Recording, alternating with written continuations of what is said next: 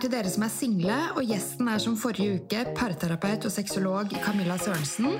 Det er så mye gull i denne episoden, og jeg er sikker på at du som hører på, vil bli inspirert uansett hvilken alder du er i. I episoden får du gode råd om hva som er viktig å tenke over når man oppretter datingprofiler, og tips om hvordan man kan treffe andre single hvis man begynner å bli litt lei av Tinder. I tillegg prater vi om hvordan man kan bygge opp god seksuell selvtillit og verdien av egenterapi for å forstå seg selv bedre. Ikke minst får vi høre hemmeligheten bak forelskelse, og at vi ubevisst søker etter vår imagomatch, noe jeg er sikker på er like spennende å lære om for dere som det var for meg.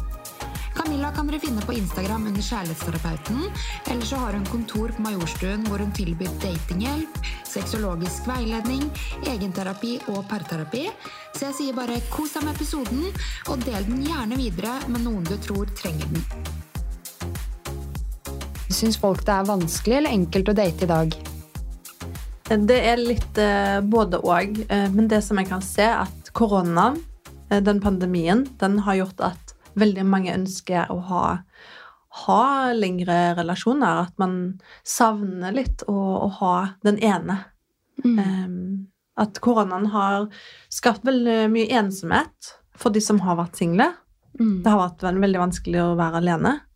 Uh, og at det er muligheten for å gå på date igjen, eh, at man har mer lyst på Mm. den ene, da. Mm. Så mange som har data flere mange ganger før, eh, kan ha mer behov for å ha én fast, trygg nå, da. Jeg kan se litt den At det har endra seg litt.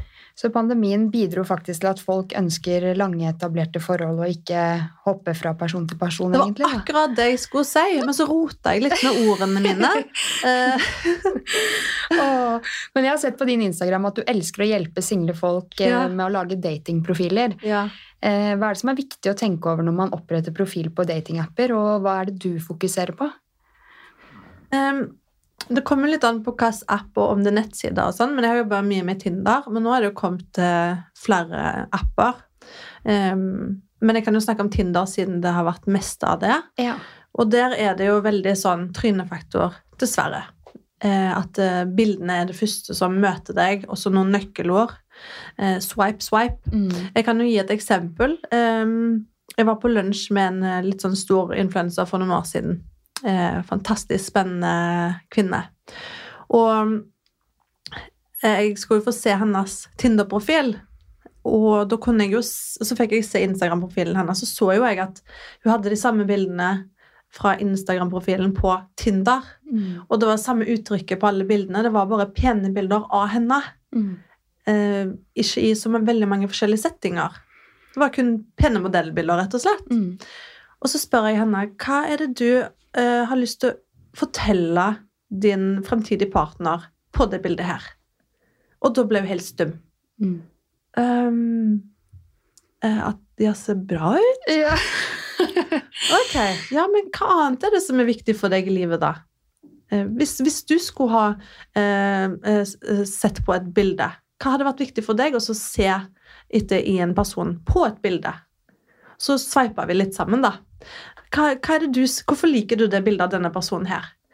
Nei, eh, det ser ut som han har reiselysten og, og spennende. Ja, og så, ja, ok, Så du kan se for deg et, et liv med reising? Er det litt det som er viktig for deg? Mm. Sånn, så det handler jo litt om hva er det du viser på de bildene du legger ut av deg sjøl. Mm. Da må man vise interessene, man må vise eh, verdiene sine, og så vil du eh, Da vil det være det som tiltrekker deg. Mm. Det er jo det som gir en match. Det sier jo egentlig seg selv, men Ja. så Jeg husker jo jeg var på Tinder for mange mange år siden, i 2016 da, og 2017, og det, jeg også husker at det var jo mest eh, bilder av eh, ansiktet. Eh, men eh, godt poeng med det du sier, at man, hvis man er glad i, fjell, da, fjell Mm. og natur, legg ut at du står på Besseggen, da. Ja. Eller eh, at du gjør noen aktiviteter eller, eh, som sier mer om deg, på en måte. Men man, bør man skrive litt om hva man liker og sånn òg? Ja, eh, eh, skriv interesser, hva du er på jakt etter. Vær tydelig på dine behov eh, og dine verdier. Rett og slett. Vær tydelig med korte ord. Du, du, er du på jakt etter å finne den rette? Er du en kroppslig person, så har du lov til å skrive det. Dette her er viktig for meg. Eh, jo mer du vet om deg sjøl, dine egne verdier, dine egne behov, dine interesser. Skriv det ned, og vis det gjennom bilder. Mm. Eh, og, og ha fine bilder. Ikke nødvendigvis modellbilder, men ha skikkelige bilder.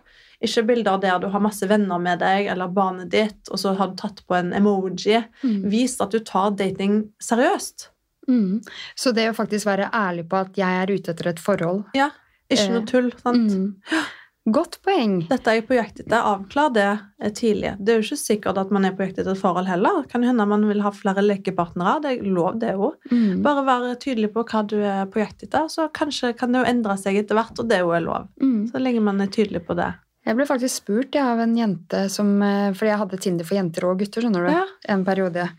Um, og da var det en jente som ville ha meg med, med sin mannlige partner, da. Ja, For de ville ha med en tredjepart. ja så spennende. Ja, det var veldig spennende, men jeg ble ikke med, da.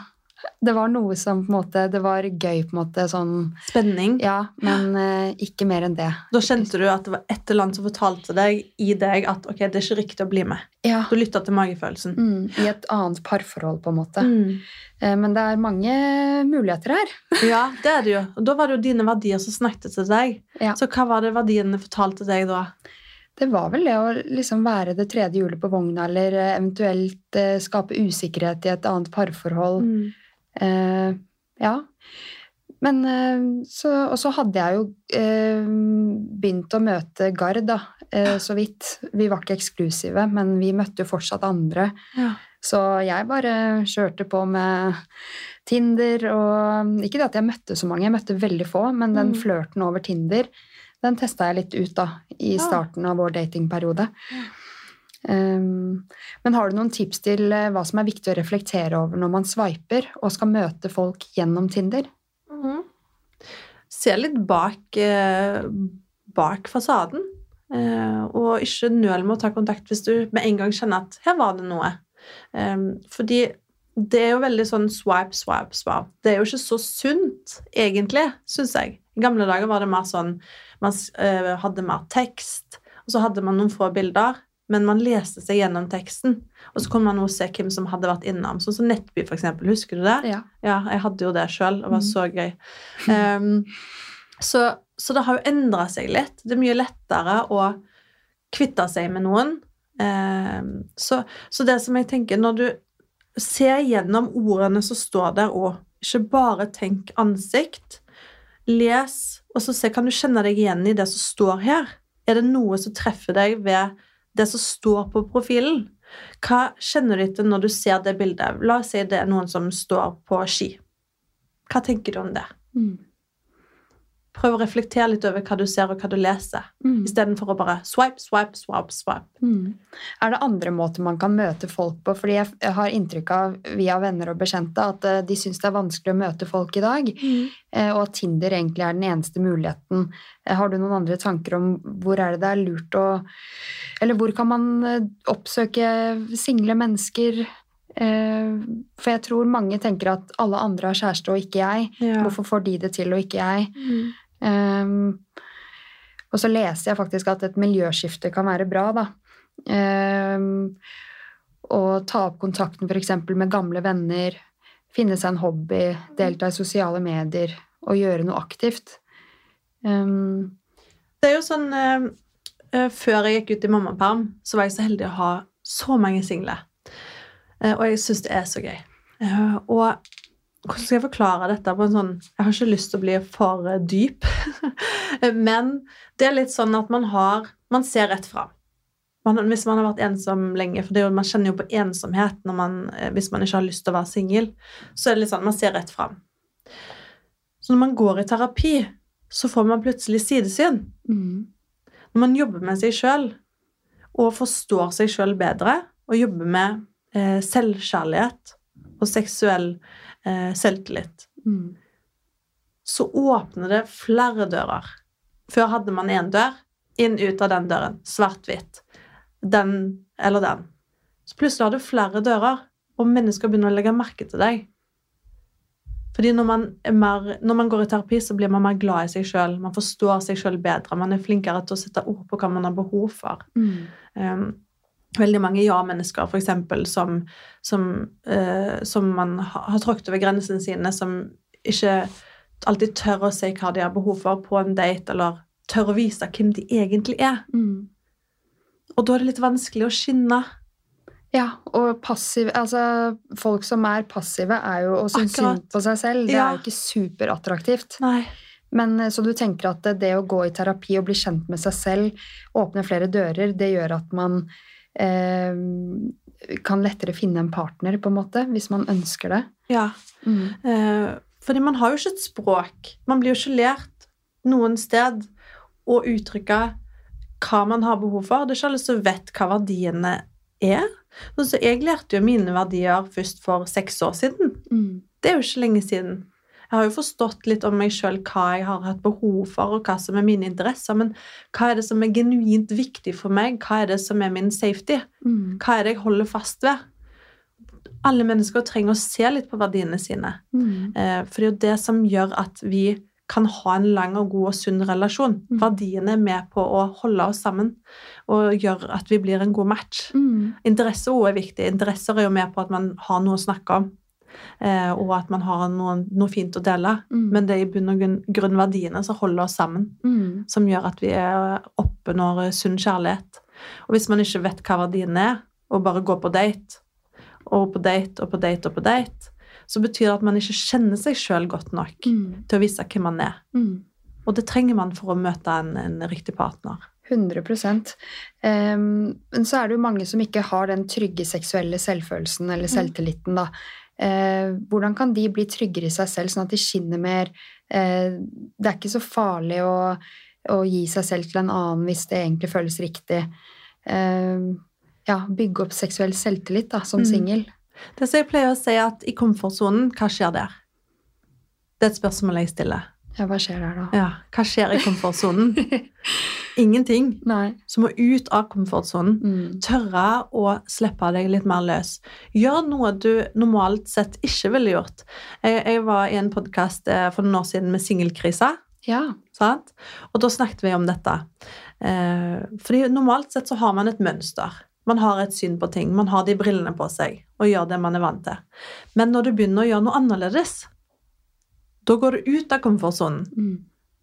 Der starter endringen. Ja. Og da får man selvtillit. Mm. Man mestrer noe. Man gjør noe annet. Det er litt vanskelig akkurat der og da, men så føles det godt etterpå. Mm.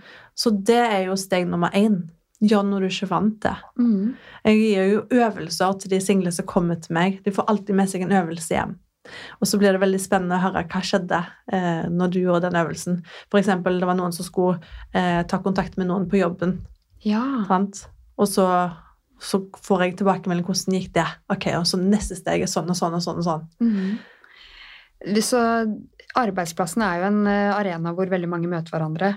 Du tenker ikke at det er problematisk. Det kan fint oppstå kjærleik der.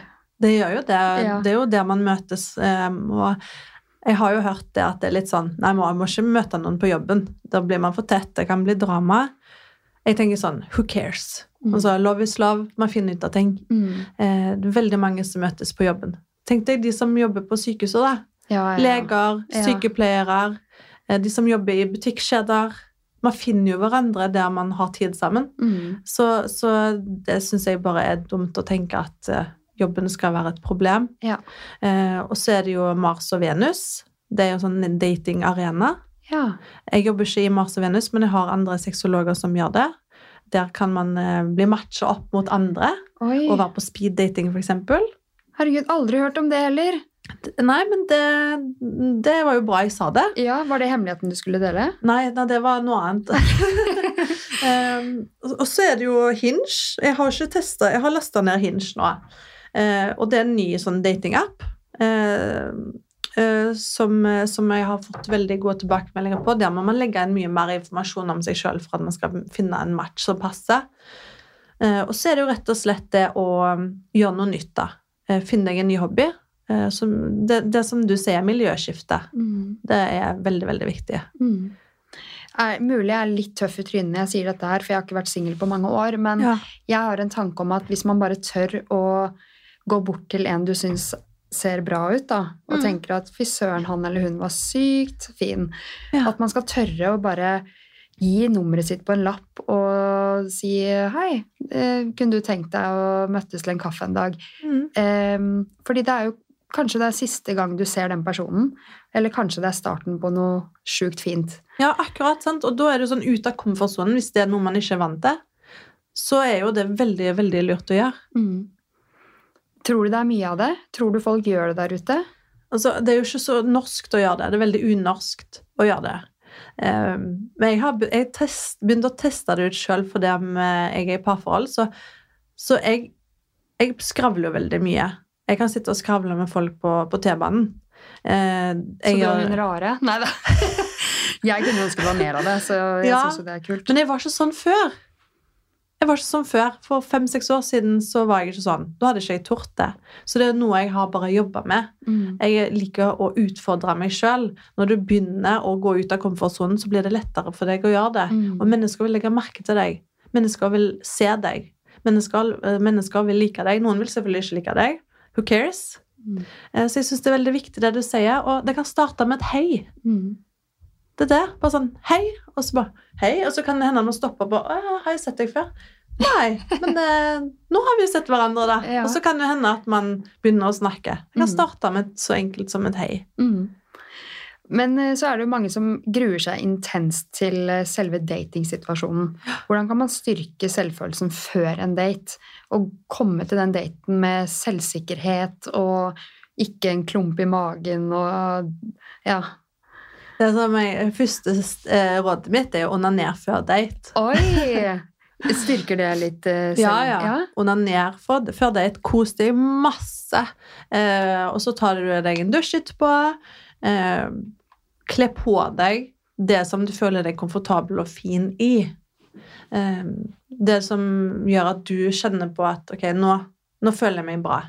Eh, og senk forventningene. Mm. Man har jo som regel sånn Man kan jo ha flere hundre forventninger på forhånd, sånne datingkrav. Eh, Jeg har en sexologvenninne som heter Susanne Eidem. Hun har en sånn datingliste. Jeg vet ikke hvor mange Jeg skulle nesten hatt med datinglisten hennes her i dag, men det er så mange krav man har i underbevisstheten som man glemmer at man har. Mm. Senk forventningene. Mm. Fordi man er 70% forskjellig med den man blir sammen med uansett. Ja, fy søren. Ja, og Da senker du terskelen for nervøsitet, og da klarer du å være med deg sjøl. Mm. Um, så senk forventningene. Ta det som noe helt casual. Du skal bare treffe en person, dere skal bare prate litt og kose dere. Ikke ha for høye forventninger. Og, og si til deg sjøl at ok, det er ikke sikkert at det blir sånn god følelse med en gang. Vi har jo det der romantiske bildet vi ser på film. Og ja, vi er full match, full klaff med en gang. Ja. Men sånn er ikke virkeligheten. Og at man kanskje skal eh, tåle en avvisning, fordi Ja. man tar jo en risiko ved å gå på date. Enten er det en god match, eller så kanskje du ikke hører noe fra den personen. Mm. Eller så kanskje du får en melding om at det var veldig hyggelig å møte deg, men jeg ser ikke for meg noe videre. Mm. Eh, og det å faktisk, istedenfor at det skal drepe selvtilliten eh, og måten du ser på deg selv, da, eh, heller tenke at ok, dette var en fin læring, eh, men det skal ikke stoppe deg å Mm. date videre, da. Fordi avvisning er tøft for mange, men eh, vi, vi må gjennom mye avvisninger på ulike arenaer gjennom hele livet uansett. Mm. Bare jeg som driver podkast, må tåle en avvisning hvis noen ikke vil gjeste, f.eks. Det får jo ikke meg til å stoppe og fortsette å skrive til folk og prøve å få med gjester. Nei. Det er så Eh. viktig det du sier der, og det er som salg, da, for eksempel. Altså, spør du ti ganger, så får du to ja. Ja, det er akkurat det. Ehm, men så er det jo mange som kommer ut fra brudd, Eh, og så begynner de å se seg etter en ny partner kanskje veldig fort. Ja. Tenker du det er lurt at de bruker hele bruddet på å bli litt kjent med seg selv på nytt, eller er det lurt å starte å date fort igjen? Nei, det er jo mange som hopper rett inn i et nytt forhold for at det er trygt, og man trenger trøst et sted. Men da kan man jo fort finne mye av det samme man allerede hadde. Eh, Så jeg, det skjer jo ofte. Eh, Ikke alltid, men det kan jo fort skje. Eh, For da kommer jeg tilbake til den hemmeligheten min. Ja. Um, og det er en samlivsforsker som heter Hardwell Hendricks, som driver med noe som heter imagoterapi, som jeg er helt forelska i. Har du hørt om det? Jeg tror ikke det. Det hørtes veldig nytt ut. Det er hemmeligheten bak forelskelse. Eh, fordi det han mener, da, det er at når man får kjemi med noen, når man blir nysgjerrig på noe, når, man, når det er noe som vekkes, så betyr det at du skal, eller gjerne skanne den personen, av en grunn. Så når du ble forelska i din kjære, da, så det den underbevisstheten i hjernedelen din som skanner han, og forteller deg at han skal være din match. Mm. Og hvorfor skjer det? Jo, fordi at vi har et sted eh, i følelsesregisteret vårt, i hjernen, som han kaller imago, som kalles bilder. Fra det barndommens sår ligger lagra i den delen. Og for at vi skal heale, så må vi finne en match med noen som har noen av de samme egenskapene som våre omsorgspersoner som barn. Ah, det gir mening. Så det er jo det som skjer når vi får tonen, finner tonen med noen, enten om det er vennskapelig eller om det er romantisk eller lidenskapelig, så skanner hjernen den personen ubevisst. Man forstår det ikke helt. Man tror jo at man har alle disse kognitive datingkravene som styrer alt, men det er ikke det som skjer. Det er kjemien som starter, og da forteller hjernen at ok, den personen er den som skal hyle dine barndomsår, og så blir det en match. Så, blir, så skjer disse prosessene igjen. Forelskelse, tid forsvinner. Eh, forelskelse er jo det nærmeste du kommer eh, hva, hva skal man si? Det er jo nesten som å være rusa, da. Mm. Ikke sant? Og så kommer hverdagen. Mm. Og så oppstår disse barndomssårene. Eh, og så er det da i dybden og i sårbarheten at man kan reparere. Mm. Men det betyr ikke at man skal legge sin lykke i partnerens hender. Man må sjøl ta ansvar for eh, sin egen del og jobbe med sin bagasje.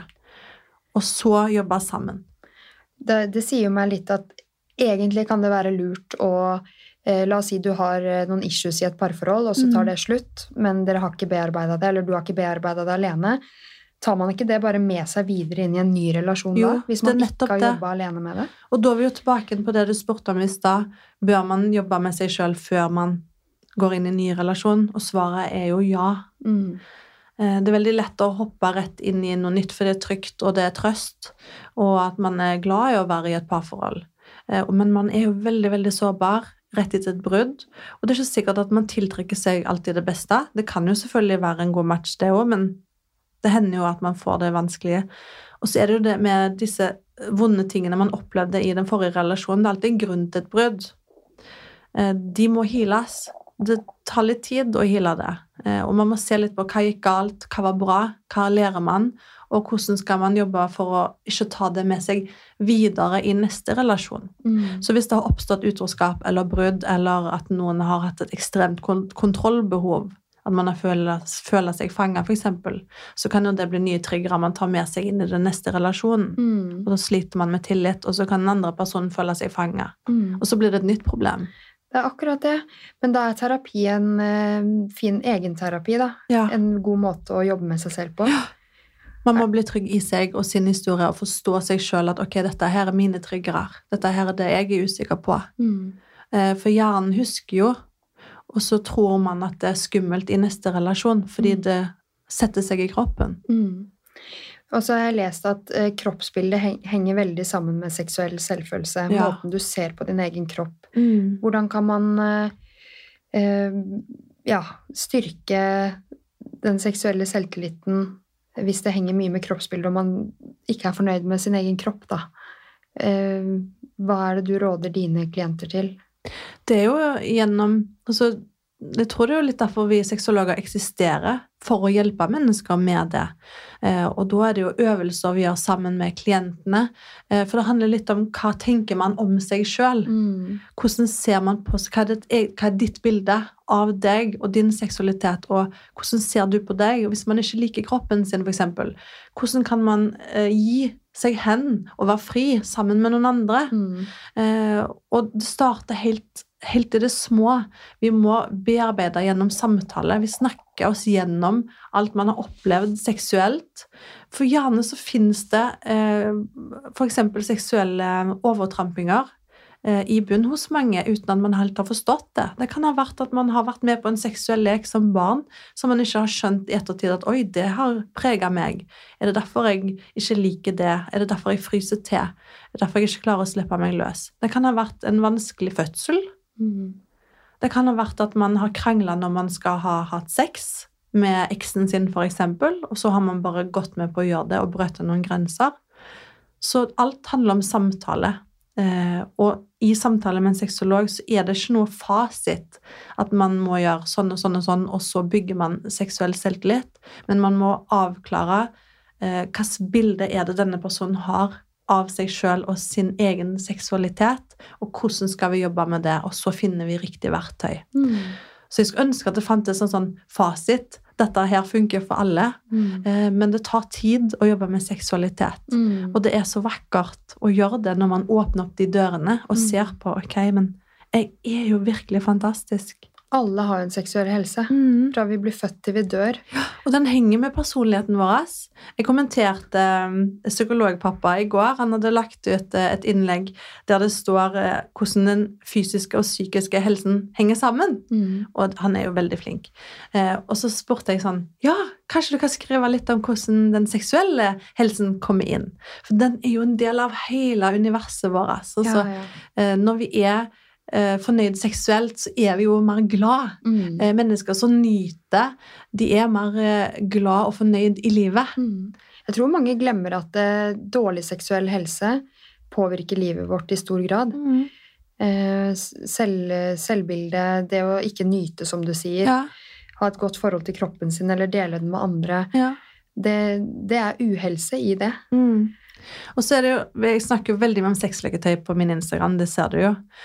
Og det er ikke sånn at sexleketøy nødvendigvis alltid er det beste for å finne ut av hvordan man eh, skal ha det bedre seksuelt. Det kan også gjerne starte med at man nyter kroppen sin med hendene sine og lærer seg å begjære seg med seg sjøl uten sexleketøy. Mm. sette pris på seg sjøl som menneske. Eh, og jeg husker det når jeg gikk til sexolog for første gang, så fikk jeg eh, eh, sexleketøynekt i en måned. Og jeg var sånn Å, herlighet! Eh, det var før jeg ble sexolog, da, fordi når man studerer, så så får ikke du gå opp til eksamen uten å ha hatt jeg lurer på om det var åtte eller ti samtaler med eh, sexolog. da. Og det syns jeg er veldig bra. Mm. Da går du gjennom din egen seksuelle reise. Og da skulle jeg lære meg å nytte kroppen på en helt ny måte. Mm. Med hendene. Ja. Jeg skulle utforske meg sjøl, vekke nysgjerrighet til kjønnsorganet mitt. Eh, og så skulle jeg stå foran speilet og se på meg sjøl og eh, tenke positive ting ved funksjonene mine. Hva er det jeg liker med det jeg ser? Mm. Og så påminner du hjernen om det positive. For vi går jo så fort rett inn i det negative sporet. Mm. For sånn er hjernen bygd opp. Mm. Eh, Det negative skal gjøre oss kritiske eh, og beskytte oss. Så vi trenger å innøve det positive ved meg er. Eh, Vekke nysgjerrighet på Oi, se Sånn som for eksempel etter første fødsel, så takka jeg hoftene mine, jeg takka magen min, jeg takka eh, vaginaen min, takka vulvaen min. Mm. Eh, Ikke minst brystene. Hvis Ja. man har faktisk, de har jo produsert melk. virkelig, sant? Bare takke kroppen min hver dag Mm. over en lang periode. Eh, For jeg hadde det verst med kroppen min etter første barn. Eh, Ikke andre, men første, for da var det så stor forandring. Og så kjente jeg at oi, nå begynner jeg å, å like meg sjøl igjen. Nå er det et eller annet som vekkes. Eh, og så begynte jeg å kle meg i fine klær. Jeg gikk i klær som passet kroppen min. Eh, vekk med denne amme-BH-en. Trenger ikke ha den hver dag. Det fins òg amme-BH-er som, som er fine. Og da følte jeg meg fin. Mm. Jeg bare ler fordi jeg kastet nettopp for eh, et par måneder siden amme-BH-ene fra 2019. Og jeg har, Ja. gått, jeg har ikke gått med noe annet i tre år. Så nei, det er grusomt. Ja, men det Vaska ut og grå og jævlig. Men så, så vi snakket om, Du har jo på deg en rålekker eh, rosa bukse nå. sant? Det handler jo litt om, om å føle seg vel i seg. Mm. Og det handler jo ikke bare om å stå foran et speil naken, men det handler om når du kler på deg, hvordan du føler deg når du har på deg disse klærne. Mm. Ja, det er så mye i måten vi uttrykker oss på, eh, hva vi tar på oss. Det er sant, det du sier. Ja. Eh, men så er man jo i ulike situasjoner eh, når man skal ut og date. Da. Noen har kanskje kommet fra et eh, samlivsbrudd med barn i ja. bildet. Ehm, Tenker du at man skal være ærlig fra starten av at jeg har eh, barn? Fordi noen holder kanskje tilbake den informasjonen i starten hvis de har Mm. matcha med noen på Tinder. Bør man bare være ærlig om det fra starten av at jeg er alenemamma for to eller én? Jeg anbefaler at det, står på datingprofilen. Mamma til tre, eller pappa til to, eller mamma til én. Mm. Mamma til en hund. Ja. Sant? Mm. Fortell så mye som mulig om de viktigste elementene og personene i livet som du har. Med en gang. Og så er det større sjanse for at du matcher med noen som vil det samme som deg, da. Mm. Eller vil tilpasse seg inn i ditt liv. Ja, det er sant. Fordi når man holder den informasjonen tilbake, så føler jeg at Oi! Sorry, jeg hadde ikke tatt på lydløs. Men eh, nei, for mange holder sikkert tilbake den informasjonen fordi de er redd for at da blir det ikke noe date på meg. Men den Mm. informasjonen må jo uansett komme fram. Og som du sier, da kanskje den personen tenker at det er ikke så farlig at det er kult at hun har to barn og levd et liv, liksom. Det er liksom modern family, at man ja, kan eh, fortsatt være et par selv om man har barn på hver sin front, da. Ja, for hva forteller det egentlig det, en person at man er mamma? Man er jo eh, Det skjer jo noe med personligheten din når du blir en mamma. Du blir en omsorgsperson, Mm. og man blir mindre egoistisk for det første, fordi man skal ta vare på noen andre enn seg sjøl. Man blir mer moden. Eh, Det å være i en foreldrerolle er jo egentlig veldig, veldig bra i et samliv. Det er akkurat det. Mm. Åh, jeg kunne ønske at folk så på det på den måten. Eller Ja. noen gjør sikkert det, men Ja. eh, Men så har vi jo den eldre generasjonen da, som eh, ofte holder litt tilbake på datinga og tenker eh, Nei, det, nå er det for sent å finne seg noen, og jeg kjenner til flere som har det. da. Jeg tok Mm. faktisk med en dude. Dude, stakkar, han var sikkert 80, men jeg tok med han Nei, han var, han var ikke 80, men kanskje 75, da Mm. tok jeg han med hjem fra Sats. eh, Ringte til svigermor, og så sier jeg eh, er det greit at jeg tar med meg en eh, fyr som jeg har sett trene på Sats hjem til deg nå. Er det sant? Ja, å gud. Å, jeg elsker det! ja, så jeg, vi, jeg ble med han ned i garasjen på Sats, kjørte bort til svigermor, og jeg satt da og var vitne til daten. Men jeg hadde så Åh. lyst til at hun skulle møte noen, fordi hun er en flott dame, eh, men holder kanskje litt igjen på den datingfronten. Og jeg har så lyst til at hun skal møte noen, da, og det vil jo samboeren min òg. Nei, så jeg var liksom Kirsten Giftekniv der og prøvde å Men så merker jeg at eh, selv om det ikke ble noe videre, fordi han hadde jo ikke data på mange år, han hadde Mm. mista kona si i kreft for noen år tilbake Ja. eh, snakka kanskje litt mye om seg selv. Eh, har glemt litt de sosiale kodene, om det er det det heter. Ja. Eh, selv om han inviterte med svigermor på reiser, da. Eh, ja. eh, Rundt om i verden og sånn, men jeg tror det ble litt sånn kjapt for henne. Eh, men hvis man er oppe i 50-60-70-årene, Mm. eh, så skal man jo ikke legge datinga på hylla for det. Nei. Hvordan kan man på en måte klare å se på uh, at det er fortsatt mulig å date, da, selv om man er i den alderen? Men det er jo Da er det jo litt sånn Man kan jo dra på reiser. Eh, jeg vet det finnes sånne grupper. Eh, Bestemora til, til mannen min hun drar på sånne reiser for eldre. Nå husker ikke jeg hva, hva de reisegruppene heter, men det finnes sånne grupper man kan melde seg på der man drar en gjeng, en aldersgruppe fra f.eks. 60 til, til 70, da, for eksempel. Mm. Eh, til Gran Canaria eller til Sverige. Eh, Sånn kan man gjerne gjøre. Mm. Eh, og snakke sammen på, på kafé, f.eks. Jeg, jeg syns jo at veldig mange eldre er flinke til å og også spesielt på bussen. De er jo litt mer åpne om å snakke enn oss yngre igjen, syns jeg. Um, men kjærlighetslivet trenger jo ikke å ta slutt fordi man er eldre.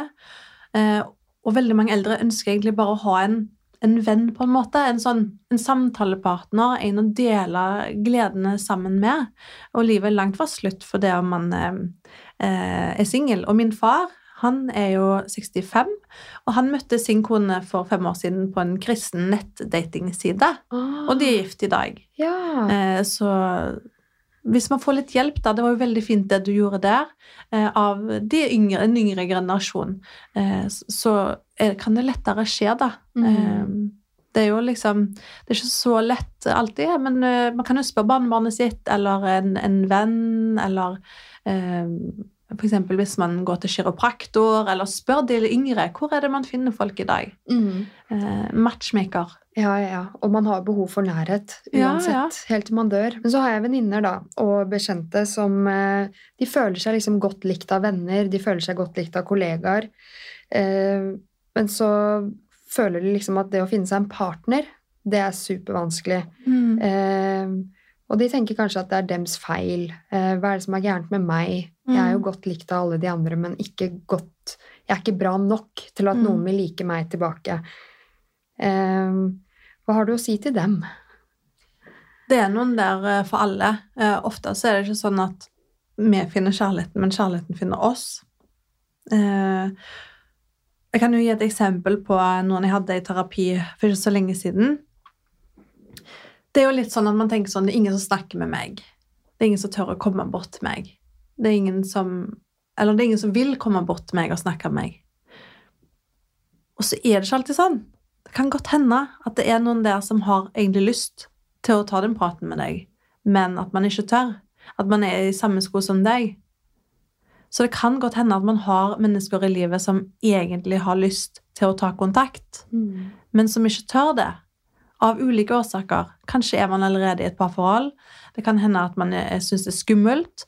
Eh, kan hende at eh, det er en annen relasjon, at du har vært sammen med eh, vennen, eksempel, eller en annen bekjent. At man jobber på samme sted. Det kan være mange grunner til at en person ikke tar det steget. Mm. Så prøv å åpne opp øynene dine eh, og se eh, Er det noen eh, her? Fordi hvis du har ti personer i livet ditt, så kan det mest sannsynligvis hende at en eller to av de er litt sånn småforelska. Ja.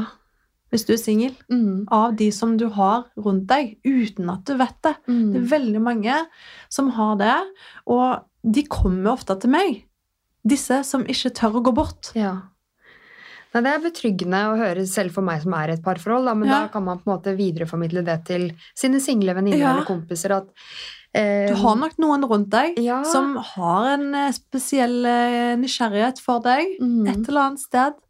ja, og det å faktisk åpne øynene sine, som du sier, og ikke Fordi det er veldig lett å se hvis folk er veldig lukka, for Mm. jeg er ikke eh, åpen for kontakt. Ja. Eh, fordi man kanskje ikke utstråler at man ønsker å finne seg noen. Og det er litt lett å se på folk om de er der, liksom, eller Mm. om de lukker seg, da. Ja.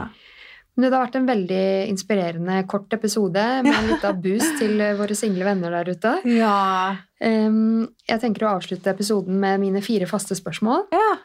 Hvordan starter du uken best mulig? Det er å ha en rolig morgen. Og jeg blir allergisk mot uh, umulige barn, sånn som i morges, eksempel, når dattera mi ikke vil i barnehagen. Så jeg er så avhengig av at dagen starter med at man er glad, Mm. at man eh, er positiv. ja. Eh, det tar jeg med meg eh, videre utover dagen. Ja. Hvis ikke så må jeg shake det av meg. Plutselig så heller noen en yoghurt over deg liksom, på Ja. trikken. Så det, det, det er rett og slett å være bevisst over at ok, når jeg våkner i dag, så blir det en bra dag. Ja. Det sier jeg når jeg står opp. Mm. Det må jeg si, fordi at jeg har så mange søvnløse netter pga. baby, og ja, du vet hvordan det er med småbarnlivet. ja, ja. 100 Hvordan snur du en dårlig dag om til en god dag? Ja, Da er vi jo litt om på det samme, men eh, hvis jeg har litt alenetid, så kan jeg ta fram et sexleketøy. Da har jeg det veldig bra hvis jeg får en orgasme, f.eks. Ja. Eh, eller så kan jeg gå bort til mannen min og gi han en god klem, så får jeg det bedre. Mm. For jeg, eh, det å få en varm og god klem, det gjør meg trygg, og da har jeg det bra. Mm. Elsker det svaret der. Det er ingen som har sagt det før deg. Nei. Men uh, det er nok mange som eh, bruker den metoden, men som ikke har turt å si det.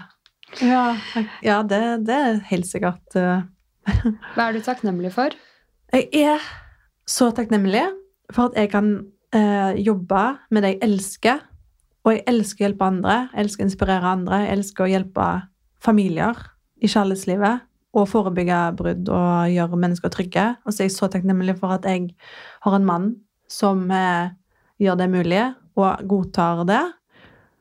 Og så har jeg en fantastisk familie.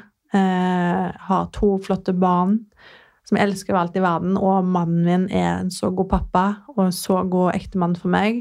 For der man irriterer livskiten ut av meg noen ganger. Og så har jeg så fine svigerforeldre, søsken, venner. Egentlig så er jeg så heldig og takknemlig for alt jeg har i livet. Det eneste jeg skulle ønske jeg hadde, var en hund. Og du ønsker deg det? Jeg ønsker meg en maltese, men eh, av allergi så går ikke det. Men jeg henger meg ikke så mye opp i det. Jeg, det er jo det som vi snakket litt om før, er det å se det du har fremfor det du ikke har. Mm. Det gjør at man blir mer takknemlig i hverdagen. Mhm. Hva inspirerer deg? Åh, jeg elsker å se på dokumentarer om sex. Eh, det, det inspirerer meg veldig. Mm. Eh, og så elsker jeg å høre podkast. Eh, det inspirerer meg. Og så blir jeg inspirert av å høre problemene til folk. Mhm. Godt svar. Tusen takk for at du har gjesta både én og to episoder. Jo, takk. Det var så koselig å være her. Det var skikkelig gøy og enkelt å prate med deg. Å, takk i like måte.